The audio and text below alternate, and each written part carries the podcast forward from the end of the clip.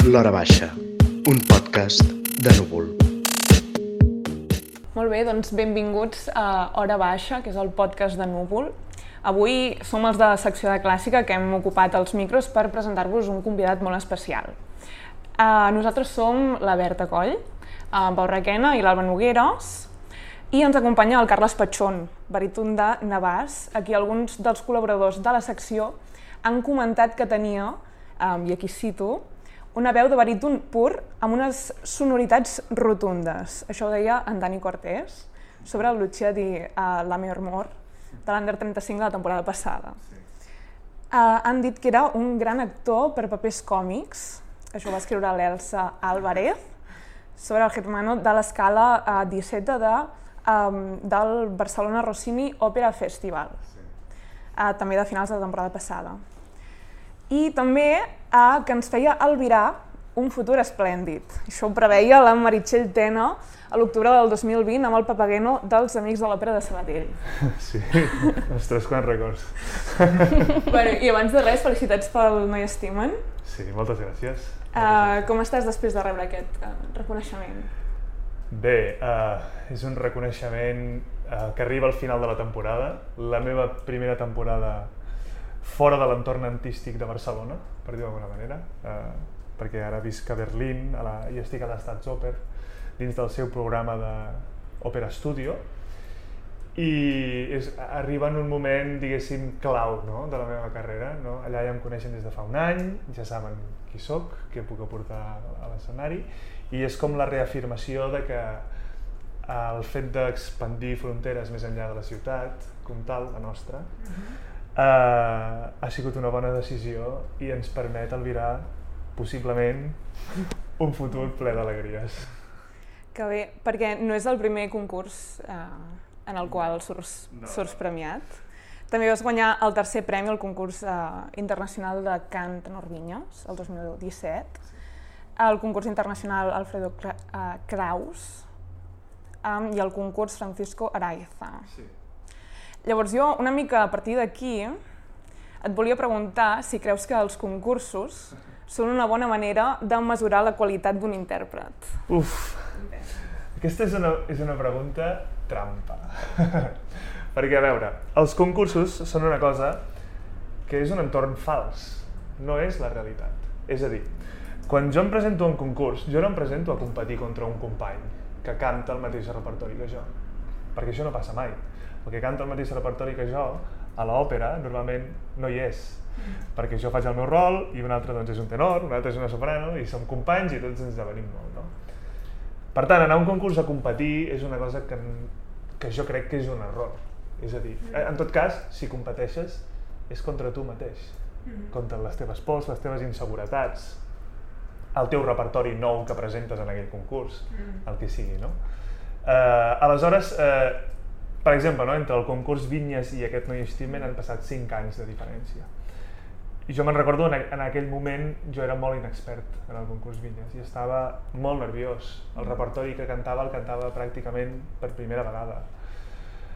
Ara, en canvi, el Noi Estimen ha sigut pràcticament una tranquil·litat absoluta de dir, mira, jo avui vinc a aquest concurs a presentar-me davant d'aquest jurat, uh -huh. que és una manera de fer una audició per tots aquests teatres que són allà presents, sense haver de pagar jo un bitllet per anar a cadascuna de les ciutats mm. eh, a audicionar, i el que sigui serà. Jo canto el meu repertori, sé que he fet la meva feina, me l'he preparat en condicions, i és la meva audició. Per tant, un concurs ajuda, tornant una mica a la pregunta, depèn de com el plantegis. Si tu el planteges per tu mateix, per una inversió de futur, evidentment, és una plataforma de visualització del que és el teu art, eh, i a sobre si fan un streaming, si ho fan en directe, és fantàstic perquè la repercussió és molt més gran, però si no també és ideal perquè tu fas unes audicions que possiblement d'altres maneres no tindries la possibilitat de fer. Mm -hmm. Per tant, val la pena, encara que, si, encara que no haguessis guanyat res, sí. eh, valia la pena intentar-ho, bueno, estar allà present i, sí. i ser vist. No? Sí, de fet, per exemple, aquest concurs, el Noi Estimen, eh, es van presentar uns 1.400 participants i a la final en van arribar 34, a la mm. fase final. No, llavors a la final eren 11. el simple fet de ser triat ja dels 34 que arribaven allà i feien l'audició presencial ja era un premi. El que passés allà ja no puc dir que m'és igual perquè evidentment guanyar el primer premi doncs és una cosa que és fantàstica però sí que és cert que, que ja la feina ja estava feta i ja era no tenies res a perdre, no? No, res a perdre, simplement audiciones audiciones, entre cometes, mostres el teu repertori, la teva manera de cantar, la teva personalitat artística i aleshores després ja serà el que serà. Uh -huh. um, si ho tinc ben apuntat, vas interpretar-hi o vas cantar-hi Händel, Mozart, uh, Rossini, Wagner i Korngold. En quin t'hi vas sentir més còmode? A veure, no les vaig interpretar totes. Aquest era, era el, el meu repertori. Et demanen, normalment el, els concursos et demanen una llista d'àrees uh -huh o peces d'oratori, no? o mm -hmm. lead, si fa lead. Aquest, com que era un concurs només d'òpera, jo presentava àrees d'òpera i ells posaven una llista. Totes aquestes àrees són les que podeu escollir. Però això té coses bones i coses dolentes, que les àrees són les mateixes per tothom yeah. i que àrees que jo cantaria no estaven a la llista. Això és una pena. Però amb aquestes, per exemple, el Händel no el vaig cantar, eh, Mozart tampoc, i les altres les vaig fer vaig, vaig fer Korngold, Wagner i Rossini. Sí. Al principi primer vaig fer Korngold, que la vaig triar jo, uh -huh. amb una mica d'estratègia, perquè jo mm. sabia que la que jo triés, possiblement, si passava a la final, no la triarien els membres del mm. jurat. I vaig dir, doncs triaré Korngold, per què? Perquè jo sé que als concursos, quan fas una final amb orquestra, tens poca estona d'assaig. De manera que el millor és agafar peces que estiguis molt còmode i que siguin conegudes per tothom. -hmm. Per exemple, en el meu cas van ser el Barber de Sevilla, que la coneix tothom, i per ells va ser Richard Wagner, el, el Tannhäuser, l'àrea de l'estrella, mm que a Alemanya també és l'ABC, és una cosa que tothom coneix. I vaig tenir la sort que ells van dir aquest repertori. Aleshores, mm -hmm. molt bé. I amb quina em vaig sentir més còmode? Home, tothom podria, si, si algú ha vist els vídeos no, que estan publicats, podria pensar, home, ell estava molt còmode amb el Barber de Sevilla. Uh -huh. Doncs no va ser exactament així, no. Perquè, vull dir, és dels que havies interpretat més. Exacte, havia, per exemple, també al Vinyes vaig fer el Barber de Sevilla a la final. I eh, és, és Rossini, que és un estil que conec molt, mm. després d'haver passat per l'Acadèmia de Pesaro, no? doncs al final és una cosa que doncs, ha quedat ben a dins meu, uh, però sortosament amb la que més còmode em vaig sentir va ser amb el Korngold, fixa't i no va ser amb orquestra, va ser amb piano i tal. Però a nivell vocal i més que jo podia estar més còmode i interpretar amb una tècnica més sòlida i tal, corno. I potser era la més difícil de veure. I t'anava a, a preguntar, en el rock, t'hi sents còmode?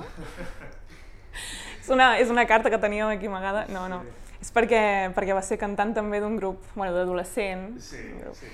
Els veïns. Jo vaig tenir una adolescència típica de una persona nascuda als anys 70-80, el que passa és que jo vaig néixer als 90. I sempre dic que vaig amb delay, no? Vaig una, una mica tard. Però sí, bé, vam muntar un grup de rock amb els companys de l'institut, perquè bé, teníem aquella època, no? Clar, clar, que fas coses. Que tothom... Vam fer de tot, vam fer rock català, vam fer... Sí, i va ser, això va despertar una mica la flama, no?, per, per, pel món de la música. Uh, arrel d'això, eh, jo vaig entrar a la Polifònica de Porreig i, i bueno, va ser, va ser descobrir un món nou. No? Clar, és, és bonic també veure com t'encamines cap a la música perquè de cop descobreixes que t'agrada fer això, no? I no, bueno, no ho sé. Sí. Vull dir que sovint el, el camí, diguéssim, de, de la gent de la música clàssica, sovint hi ha una etapa que és com de patiment, no?, de l'instrument, del que sigui, i en canvi és... Exacte. A veure, això no vol dir que jo tampoc hagi tingut clar, clar, etapes clar, de patiment. És a dir, jo no he passat per una formació musical clàssica mm. des de que tenia 5 anys fins ara. No. Mm. Eh, evidentment, als cantants d'òpera ens ho podem permetre, mm. el fet de començar més tard, més tard sí. i tenir una formació musical després, no? després passar a l'adolescència, per mm. exemple. I, i sí, que, sí que jo m'hi vaig acostar més per plaer que no pas per obligació. Mm -hmm. I jo crec que això és un dels punts veritablement importants a l'hora de pujar al d'un escenari. Mm -hmm. mm, tornant al No estimen, sí. uh, que en alemany vol dir noves veus, sí. Llavors, jo volia partir una mica d'aquí, um, però, però preguntar-te, diguéssim, fer-te una pregunta com en general, no? Que de vegades es posen aquestes etiquetes de jove promesa o d'artista emergent sí. i, i no sé si t'hi sents còmode amb aquestes qualificacions. I que potser fa uns anys tenia un sentit. Eh, sí, jo imagino que potser, possiblement una persona que va veure un espectacle i descobreix un cantant que no passa de la trentena, li diu que és un jove artista, però no sap el que hi ha al darrere. Això a vegades no es demana o no hi ha l'ocasió de parlar-ne. Però ara, per exemple, jo fa 7 anys que vaig fer el meu primer rol a dalt d'un escenari i ja no em considero aquell artista d'aleshores. Uh -huh. Soc una persona absolutament diferent, madurat, suposo, i també a nivell artístic he après moltíssimes coses que, que només es poden aprendre sobre de l'escenari. O sigui, definir el límit en el qual deixes de ser un jove artista o artista emergent uh -huh. i et converteixes en un artista de present, uh -huh. per dir-ho d'alguna manera, uh, eh, qui posa aquesta línia? Uh -huh. És una cosa... Em sento còmode? No ho sé si em sento còmode que encara em diguin jove artista. No ho sé. Sí que, sé, sí que és cert que quan participo en òperes, generalment, sóc el més jove de tots. Però, bueno, l'edat també és una qüestió que és artificial, no? A nivell... Que és circumstancial, sí, no? Sí, a, a nivell És una actitud, no? també, és, també. És, és una actitud, evidentment, sí. Però clar, quan tu estàs en una producció i actues com un professional, com un cantant professional, és indiferent l'edat que tens. La qüestió és que tu puguis oferir el que artísticament s'espera de tu interpretant aquell rol o en aquell concert o el que sigui. Um, a- abans que res, jo m'ha fet curiositat el que dèieu del grup de, que tenies d'adolescent i et volia preguntar si vau arribar a gravar alguna cosa que es pugui trobar, no sé, a internet o... Que ho amatem. A veure, eh, vam gravar algunes coses. Això està, això està claríssim que ho vam fer. El que passa és que jo no sé si em sentiria gaire còmode que això s'impulsa a la llum. No, sé què opinarien els meus haters si descobrissin això. Home, si tens haters ja és És un gran bona què, és senyal. un gran sí. Que estàs fent les coses hi ha cosetes, hi ha cosetes gravades que, no? que estan por ahí i, i bueno, sí, ja en parlarem, ja en parlarem d'això. Vale, I llavors, ah, repassant una mica la teva biografia, hem vist que potser, Mm. o sigui, dèiem que potser et podríem etiquetar com un cantant accidental, no?, d'alguna manera, perquè tu vas estudiar farmàcia, no? Sí. I llavors, per què vas decidir al final eh, caminar-te cap al món de la interpretació i, i trobes a faltar alguna cosa de, del món de la farmàcia? Sí, és una pregunta que m'agrada molt que em facin, perquè jo me'n recordo, per exemple, jo vaig acabar la carrera ara fa un any i mig, eh, l'any passat. Després del Covid, me'n recordo que al principi del primer confinament jo estava fent les pràctiques a la farmàcia i en un cert punt ens van enviar tots cap a casa. Eh, jo me'n recordo quan anava a la farmàcia que tenia uns companys fantàstics i els hi parlava del món de l'òpera i els hi deia això és una passada, això no ho heu descobert. I em diuen, és veritat, a veure, tal. Encara no m'han vingut a veure, per cert. Però bueno, algun dia, algun dia, ara que fem coses aquí... d'aquí els pots convidar. Sí, i tant, i tant. Ho saben perfectament. El que passa és que, clar, combinar-ho amb els horaris és difícil. Uh, sí, el, els hi deia això, no? Els hi deia, clar, això és el món de l'òpera, el moment que hi entres i t'atrapa, s'acaba. Mm. Jo me'n recordo la farmàcia i passava, evidentment, molts bons moments, però la gent que venia a la farmàcia eren persones que estaven vivint un dels dies més tristos de la seva vida, possiblement. No sempre, no tothom, perquè a vegades has d'anar a, com a comprar coses que no et fan estar trist, però n'hi ha d'altres que sí que et fan estar trist, no? I, i clar, jo me'n recordo que era una manera d'ajudar la gent des de la tristor, no? I intentar sortir i remuntar. Potser al teatre, a vegades això també es busca, però normalment quan surten del teatre sempre surten amb un somriure a la cara. I això és una cosa que a mi veritablement em va fer virar i dir, mira, prefereixo viure al costat de la llum, per dir-ho d'alguna manera. No? El- Potser és una cosa que algú ho sent i diu, ostres, que dèbil, no? perquè també és necessària gent que faci aquesta altra feina, que possiblement és Ah. molt més important que no pas pujar a l'escenari i tal, i transmetre felicitat pot ser molt més fàcil, no? des del punt de vista de les òperes còmiques, que és el que jo estic acostumat a fer. Però en aquell moment em vaig, em vaig sentir decidit i vaig dir, mira, això crec que fa més per mi i, i no és una feina per mi, pujar a l'escenari, no és una feina, és Mhm. una cosa que a mi m'agrada anar al teatre, per exemple, a l'Estatsoper de Berlín, no? que estic ara, és, és, és una família de gent que tots pugem a l'escenari junts, fem les nostres coses i després quan acaba la funció sopem, comentem, ens prenem una cervesa, avui què tal això, tal, ah, ostres, avui estic trist perquè no he pogut trucar als meus pares. No ho sé, és una cosa, és una cosa que és molt més humana i que a mi... Ten, tens aquest, la vocació. Sí, sí, jo crec que sí, jo crec que sí. I a més a més, podria passar-me 6, 7, 8 hores assajant una òpera i no me'n cansaria. Mm. Bueno, a nivell vocal, al final diria, bueno, prou, eh? No ho sé. Però, però, ostres, a la farmàcia me'n recordo que la, si fas una jornada de 8 hores completa, a la cinquena, sisena, ja estaves, uf, ja no puc més. Mm. sí. I, perdó, o sigui, col·loqui una pregunta. Um, això de que um, tu deies és, és un, un, bueno, un hobby, no. O sigui, és una afició, va més enllà, no, és, no, és una, no t'ho agafes potser el fet de cantar com una, com una um, feina... Bé, és que això ara quedarà Sí. una mica tal, però ja m'entens, no? En Sí, plan que és sí. um, que l'afició es torna professió. Exacte. El meu Val. hobby, el Sí. que era el meu hobby, s'ha convertit ara en la meva professió. Sí, I és una cosa això és un privilegi. problema o no? Això és un privilegi. És un privilegi. Sí, privilegi. Bueno, sí. O sigui, jo em sento afortunat de poder-me dedicar al que m'agrada, que, és una, que és la música, i cantar, i pujar a l'escenari, interpretar rols, actuar, això és el que m'agrada. Um, evidentment, uh, quan era el meu hobby era diferent, perquè podia anar al liceu i ningú em reconeixia. Ara, doncs, aquest dia vaig anar a veure la Norma i a l'hora de sortir vaig trigar mitja hora a creuar la porta des, de, des del foyer. És, una cosa maca que et reconeguin i que et diguin enhorabona pel concurs, pel que sigui, però també m'agradava anar d'incògnit i fer les meves pròpies conclusions del que s'hi veu i del que no s'hi veu i del que m'agradaria que s'hi veiés i, bueno, aquestes coses.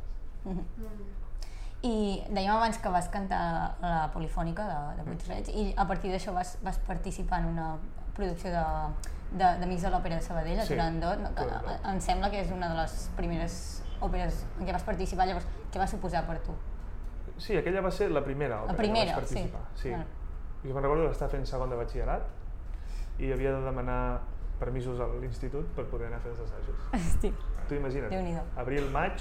Segon de batxillerat és una època en la que tu t'estàs preparant per la selectivitat. Aleshores, eh, bueno, va ser una mica difícil, però al final vam arribar a un acord i vam dir, bueno, doncs vés, vés a fer la producció de Turandot.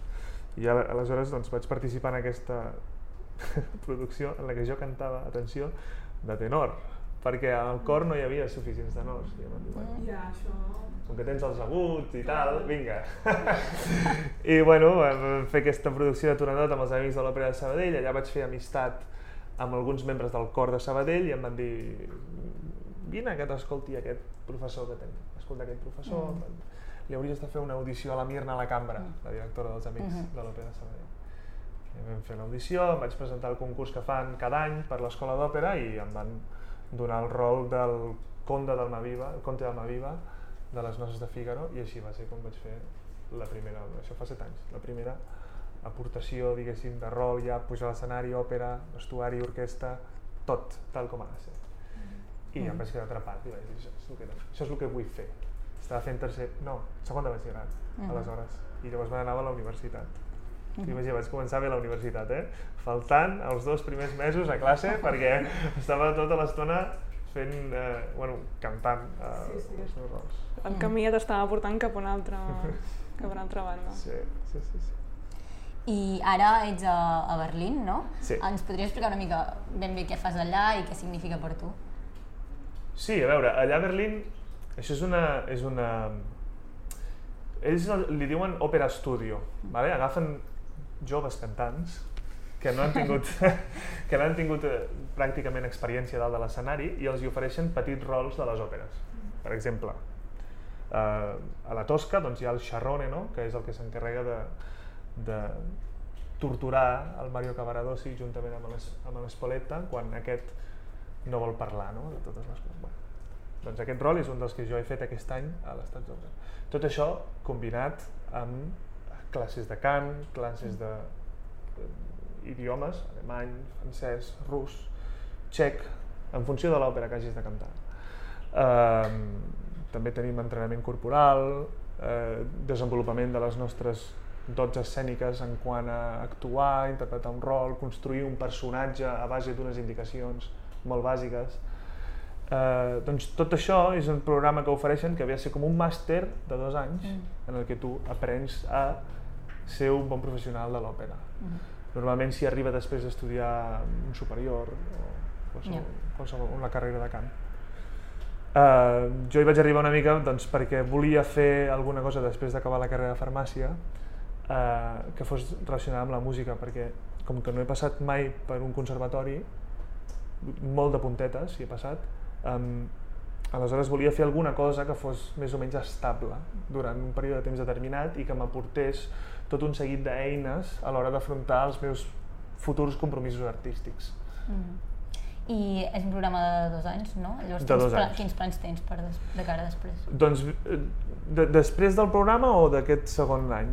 O sigui, el segon any és més Una vegada menys... acabis el programa, bueno, que tu vulguis. A a veure, el segon any ve a ser una miqueta més el, más de lo mismo. És, és, el que passa és que els rols possiblement milloren una mica més. Per exemple, jo tinc ara una, una premier mundial que es diu Robinson, d'un compositor argentí que es diu Oscar Strasnoy, que ja ha fet diferents coses noves a l'Estats i ara fa aquest Robinson, en el que jo interpreto el rol de Robinson, i hi ha sis cantants més que són doncs, com les memòries, el, el futur, el, el present, o sigui, és una cosa una mica abstra abstracta i que no es fa a la sala gran, es fa a la sala petita, però clar, òpera contemporània que s'estrena World Premiere en alemany, Mm. en alemany, Se- ho repeteixo perquè és una cosa que encara no m'hi avinc. O sigui, eh, cantar en alemany, eh, ojo, eh, és complicat. Sobretot per nosaltres, que és una llengua que, que és tan lluny, no? O sigui, doncs, en italià, doncs, Però justament deies abans que amb Korngold va ser amb... amb... sí, clar, amb Cornwall, després d'un any immers en aquest En aquest ambient artístic, no? on tothom parla l'alemany perfectament. Clar, clar. I el raro sóc jo, que no el parla. és a dir, a vegades em miren i diuen tu què has estat fent tots aquests anys? D'on vens? D'on surts? doncs, bueno, sóc un cantant accidental, no? Com deies, jo estic aprenent encara, clar. A veure, la meva intenció és, evidentment, respectar aquesta propera temporada tal i com està, encara que hagi passat això del concurs Ja. i estan començant a arribar ofertes que ho volen alterar tot, però com que m'agrada ser una miqueta conseqüent amb les coses que dic sí i les que dic que no, doncs tocarà Mhm. que entenguin que s'han d'esperar fins al següent any, que després ja veurem què passa, si és que em quedo fi fix o no em quedo fix al teatre, perquè ells tenen una cosa que és meravellosa, que es diu ensemble. I tenen un seguit de cantants que cobreixen tots els rols de la temporada. Evidentment, després venen les estrelles i els cantants aquests de primer nivell que es passegen no? per allà i fan tres assajos, perquè ells es troben la producció feta. Fan tres assajos i canten. I en canvi els altres són els que ho munten. No sé quin és el meu rol encara en el futur, no ho sé. Però, mm. evidentment, ja tinc compromisos artístics amb el Teatre del Liceu eh, i amb d'altres teatres europeus, d'altres espanyols. O sigui, mm, la meva intenció és continuar cantant aquí i allà, si és que és possible, com a freelance una mica. I de fet, abans de començar l'entrevista ens, ens comentaves que aquest mes ja t'han trucat, em sembla, per cobrir dues substitucions, no? Sí. Es, es, vull dir, és una mica difícil potser organitzar-te el calendari, així. Sí, odio el calendari. És una cosa que és, és insuportable, no? perquè em falten dies sempre. Uh, sí, a veure, el primer, la primera substitució que vaig fer a la meva vida, en general, eh, va ser a, a l'Estats Oper. Just, clar, sent membre del teatre, doncs, va dir, ostres, avui s'ha posat malalt el mandarino de la Turandot. El mandarino de la Turandot és un rol molt petitet, té dues frases, com aquell qui diu, però bueno, obre l'òpera, no? I sobretot si obre l'òpera i el director que et dirigeix és el Zubin Mehta, doncs Doncs, ostres. doncs dius que sí. doncs no, dius que sí a la no? substitució. Dius, dius que sí a la substitució, evidentment. Dius, bueno, primer dius, eh, puc cantar el rol, val ser, he fet tres produccions de Turandot, ja me la conec, sé com va, i, i bé, bueno, m'han dit, ah sí, vine, provem, fem assajos, van van veure que podien cantar el rol, i vam dit, d'acord, això va ser 32 hores abans de que la funció comencés. I vaig haver de fer la feina de 6 setmanes, que és un rol petit, eh? No, no és el calaf, eh? és un rol petit. Mm. 6 setmanes en 32 hores, que és una cosa possible, en aquest cas. I va ser un èxit, tothom molt content, i jo el que més. Però després em van trucar també per substituir un company que havia agafat Covid i després una afectació a la veu. Bueno, a vegades no és fàcil recuperar-se del Covid com a cantant i necessites uns, unes setmanes de recuperació. Setmanes que si la producció ja ha començat són una pèrdua de temps molt valuós. I aleshores em van, de, van decidir fer un canvi del cast i jo vaig dir que, havia, com que jo havia cantat el rol prèviament a Pesaro, em van dir vine a cantar, si us plau, a l'Esluc de la Canviala di Matrimonio a Ginebra, perquè tenien un membre del cast que era amic meu i ell els hi va comentar, o sigui, i aleshores hi vaig anar i vaig cantar la producció sencera, les tres funcions que teníem programades i tot. Això va ser fa dues setmanes. Sí. Mhm. I d'aquests compromisos que, que deies que, bueno, que et mouen el calendari, també la teva previsió per, per el, segon any uh, de la formació a Berlín, um, són institucions catalanes? Uh, has vist que hi ha hagut una resposta, o almenys des, del, des de que vas guanyar el, el Neue Stimmen, hi ha un, notes que les programa, els programadors, institucions d'aquí t'estan acollint o encara són cautelosos? Sí i no, anem a dir-ho d'aquesta manera. És a dir, quan jo vaig marxar a Berlín a principi d'aquesta temporada passada, ja vaig notar un cert increment en l'interès de les institucions catalanes cap a la meva personalitat artística. Jo deia, bueno, ens agradaria comptar amb tu per tal, per tal, per tal. Cap cosa concreta. Després amb el Noi Steven han començat a venir més coses, més concretes ja. Dir, mira, volem això i això i això. Bueno, vale. S'han atrevit més, Sí, no? perquè és com una confirmació de dir, jo ho entenc, a ve- a vegades un jove cantant o un cantant que comença eh, costa molt donar-li una oportunitat de pes en un teatre important o un concert amb molt de protagonista, protagonisme, el que sigui. Però sí que és veritat que això és com una confirmació que diu, bueno, aquest està capacitat per fer les coses que es necessiten fer a dalt d'un escenari. Bueno. Eh, sí que és veritat que el món de l'òpera és molt difícil, això, amb, perquè els programadors programen, directors dels teatres programen a 5-6 anys vista. Clar, eh, sí, ofereixen coses, però clar, és a 5-6 anys vista, ja ho veurem, ja ho veurem què passarà aleshores, jo no sé si, no sé ni on viuré, eh, però sí que algunes coses les tenc, que si dius, bueno, ho farem, això ho farem. Uh, també he vist, per exemple, que molt des de l'estranger. O sigui, l'estranger sí que hi ha hagut, eh, a Alemanya sobretot, hi ha hagut una, un, un volum de preguntes, perquè al final tu preguntes si tens disponibilitat en els períodes que ells programen segons quin repertori, no? I sí que hi ha hagut un increment de, de, arran del concurs, eh? perquè clar, és, és, és és un gran aparador i a més a més aquest que el donen per la televisió, pel Medici TV, bueno, eh, aleshores això eh, és un aparador, no? I tu estàs allà i diuen, ah, mira, aquest m'interessa per fer una missa de vés a saber què, i potser gravem un disc i tal, perquè el color que té i la veu que té mm, quadra amb el que jo vull fer. I això, com ho aconsegueixes, si no d'una altra manera que presentar-te a un concurs? És molt difícil. Però sí, ah, surten coses, van sortint coses. I potser al ser també un, una competició internacional a nivell europeu, també aquí sembla que doncs, ja et, eh, bueno, et legitima més com a gran artista, no? Diguem-ne. O, o, bueno, no sé si tens aquesta O percepció, aquesta no? necessitat de, com de vegades- marxar per, perquè et Exacte. Sí, reconeguin aquí, sí. no? triomfar fora perquè Sí. després aquí Sí. et reconeguin. A veure, això és, sí, és, és veritat. El que passa és que jo, jo estic molt mal acostumat i he tingut molta sort en aquest aspecte. Perquè, per exemple, com bé dèieu abans, l'any passat vaig fer la, la Lucia a l'Under 35, no? i això va ser abans de marxar. Eh, I va ser una cosa que ja venia molt d'abans, quan et demanen no? amb un parell o tres d'anys vista, podries fer això?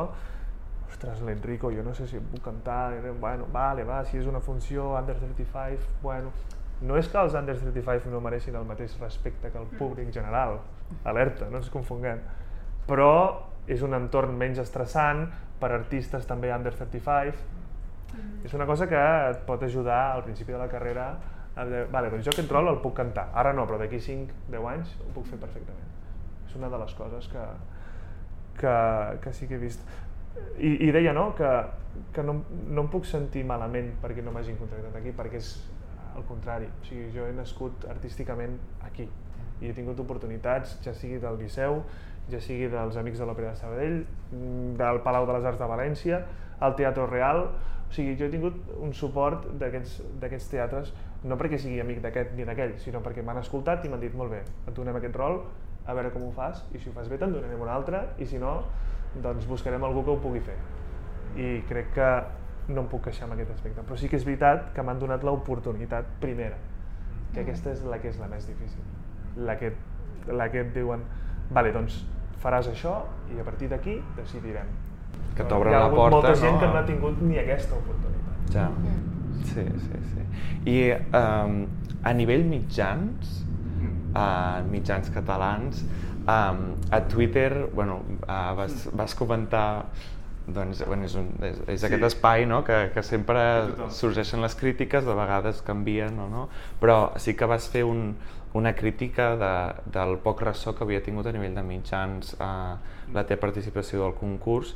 Um, amb tot el que ha vingut després, canvies aquesta visió o et mantens en aquesta postura? Sí, ha, ha canviat, ha canviat molt, Mhm. ha canviat molt. És a dir, clar, jo en aquell moment no s'anuncien els finalistes del concurs. 11 cantants dels 1.400 que hi ha. Un concurs que mai cap espanyol ha guanyat, mai cap català, per descomptat.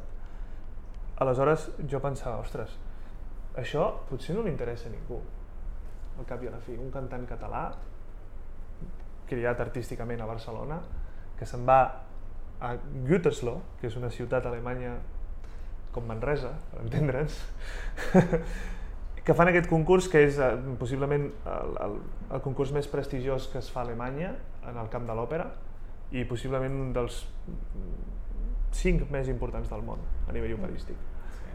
Clar, la meva pregunta és, si aquest concurs no fos d'òpera i fos, per dir un exemple, eh? La Voz.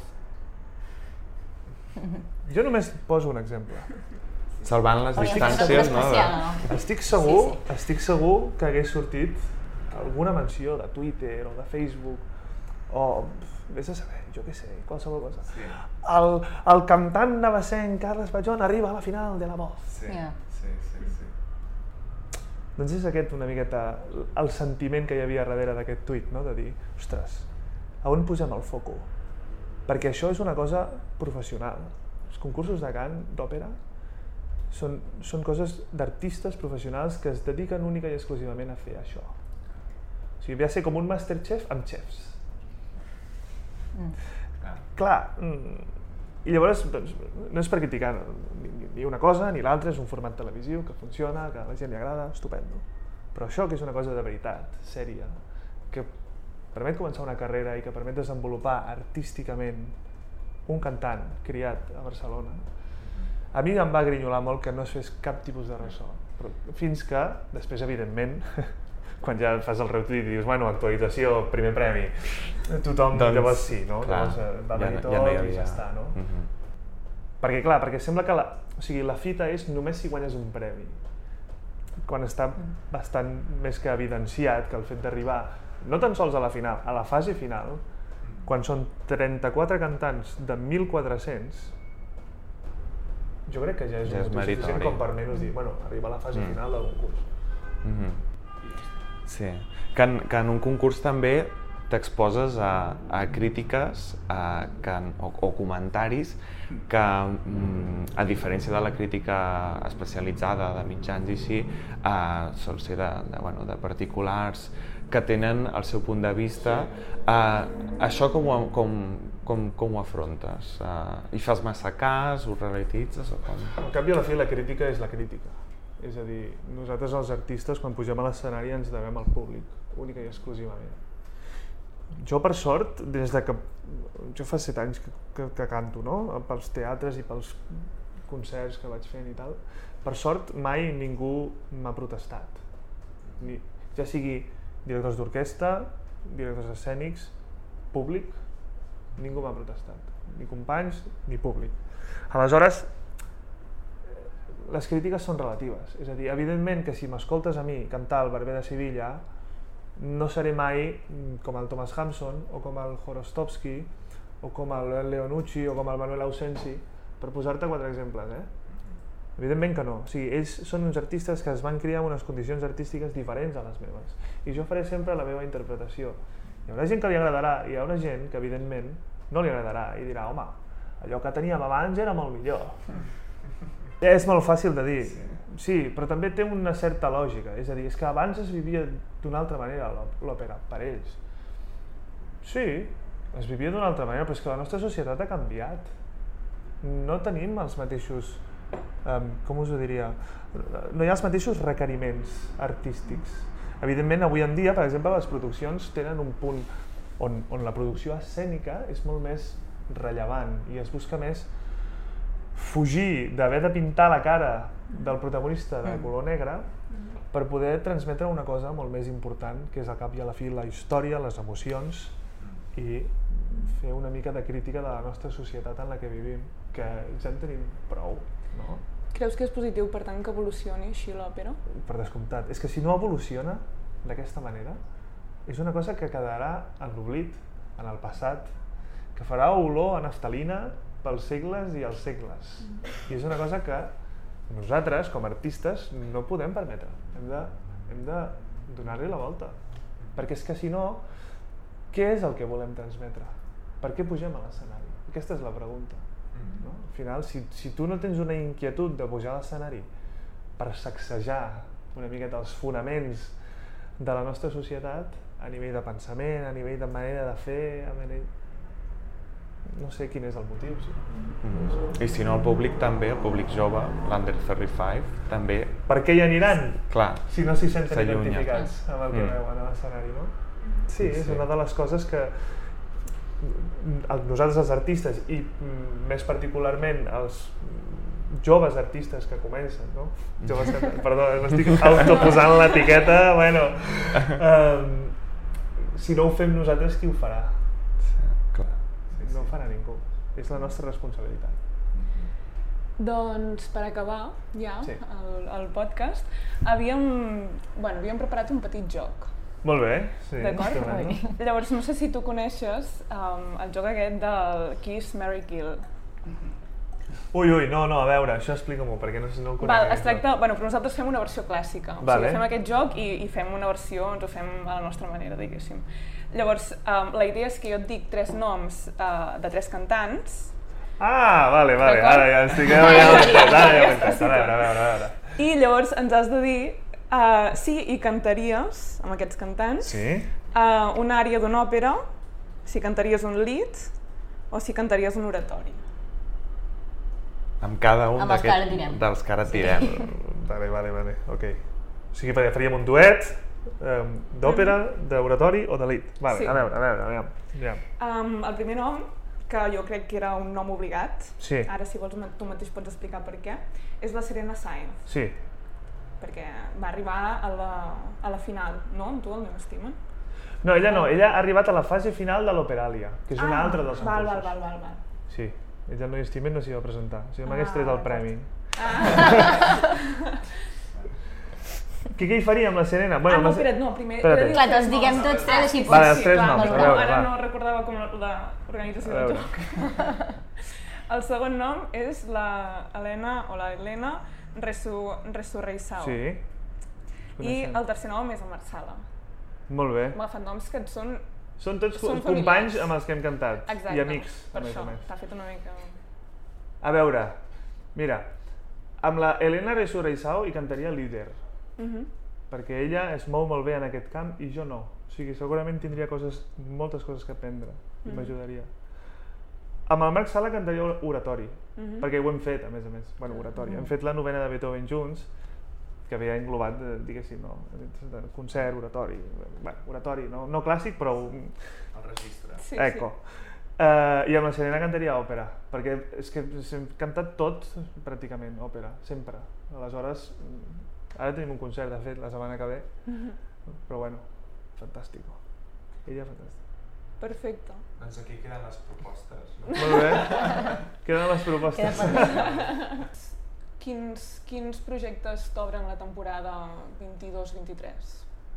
Doncs obrim amb el Don Pasquale, al Liceu, que suposa, després d'haver fet l'Enrico l'any passat per un Under 35, suposa, diguéssim, el debut amb un rol amb entitat, com és el Doctor Malatesta, perquè és, una- el Don Pasquale és una òpera que té, que té quatre rols i un notari.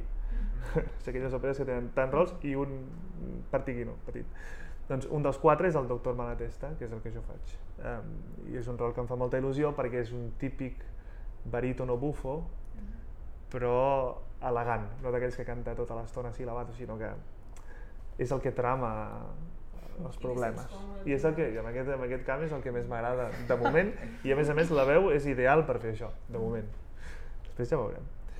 Després continua la temporada amb els Amics de l'Òpera de Sabadell, que eh, fan una reedició del Don Giovanni que es va fer fa 6 anys, quan jo era membre de l'Escola d'Òpera de Sabadell. I enguany eh, ja no faré l'escola, sinó que participaré en les funcions que ells mal anomenen cas professional, perquè professionals són tots, tant els que comencen com els que continuen. I, I farem una gira bastant important per tot Catalunya, fins i tot anirem a Santander, que és una cosa que es fa ja des de la temporada passada, si no recordo malament, amb el Rigoletto que van fer. I crec que enguany hi ha una novetat en la qual es fa una funció també per menors de ara no em facis dir si és 30 o 35, però és per menors de... Per gent jove. Per gent jove, que també es fa al Palau de la Música. Aleshores serà, serà bueno, la típica funció que es fa al Palau de la Música, tipus, més tipus exclusiu per gent jove, tipus, Sí. tipus al Liceu, Tipus però com el que fa el. Liceu, però des del...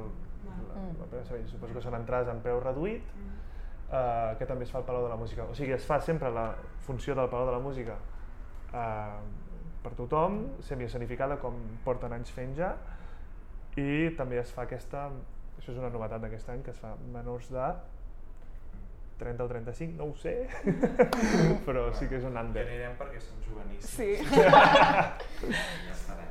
Sí, i després d'això torno a Berlín i allà farem la Bohème, eh, que ja vaig fer l'any passat, amb el paper de Schonart, però que sort que me l'han tornat a deixar fer perquè em va, em va agafar el Covid i de les, sis, de les sis funcions que tenia programades només en vaig poder fer dues. Mm.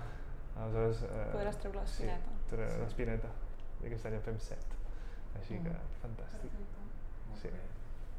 Ah, i m'oblido, m'oblido d'una cosa molt important, que això, uf, que es va, es va presentar, eh, bueno, fa poc.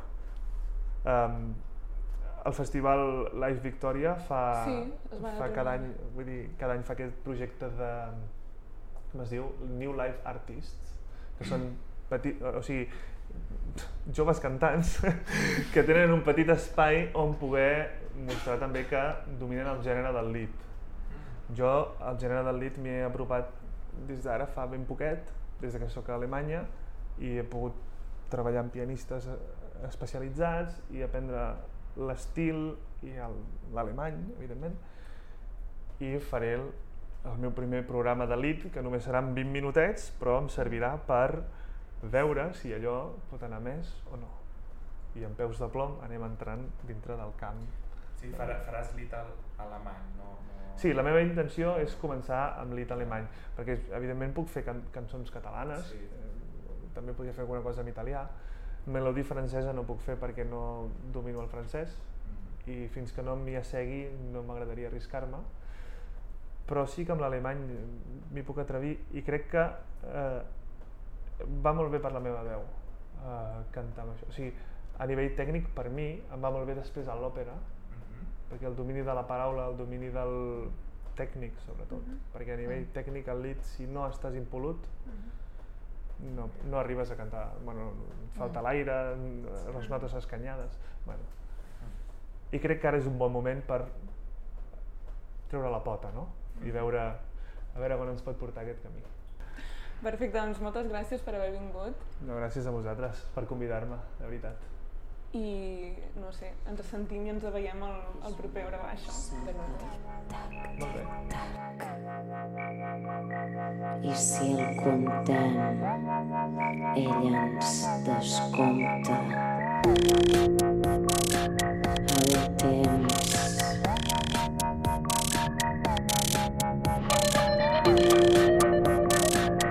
El temps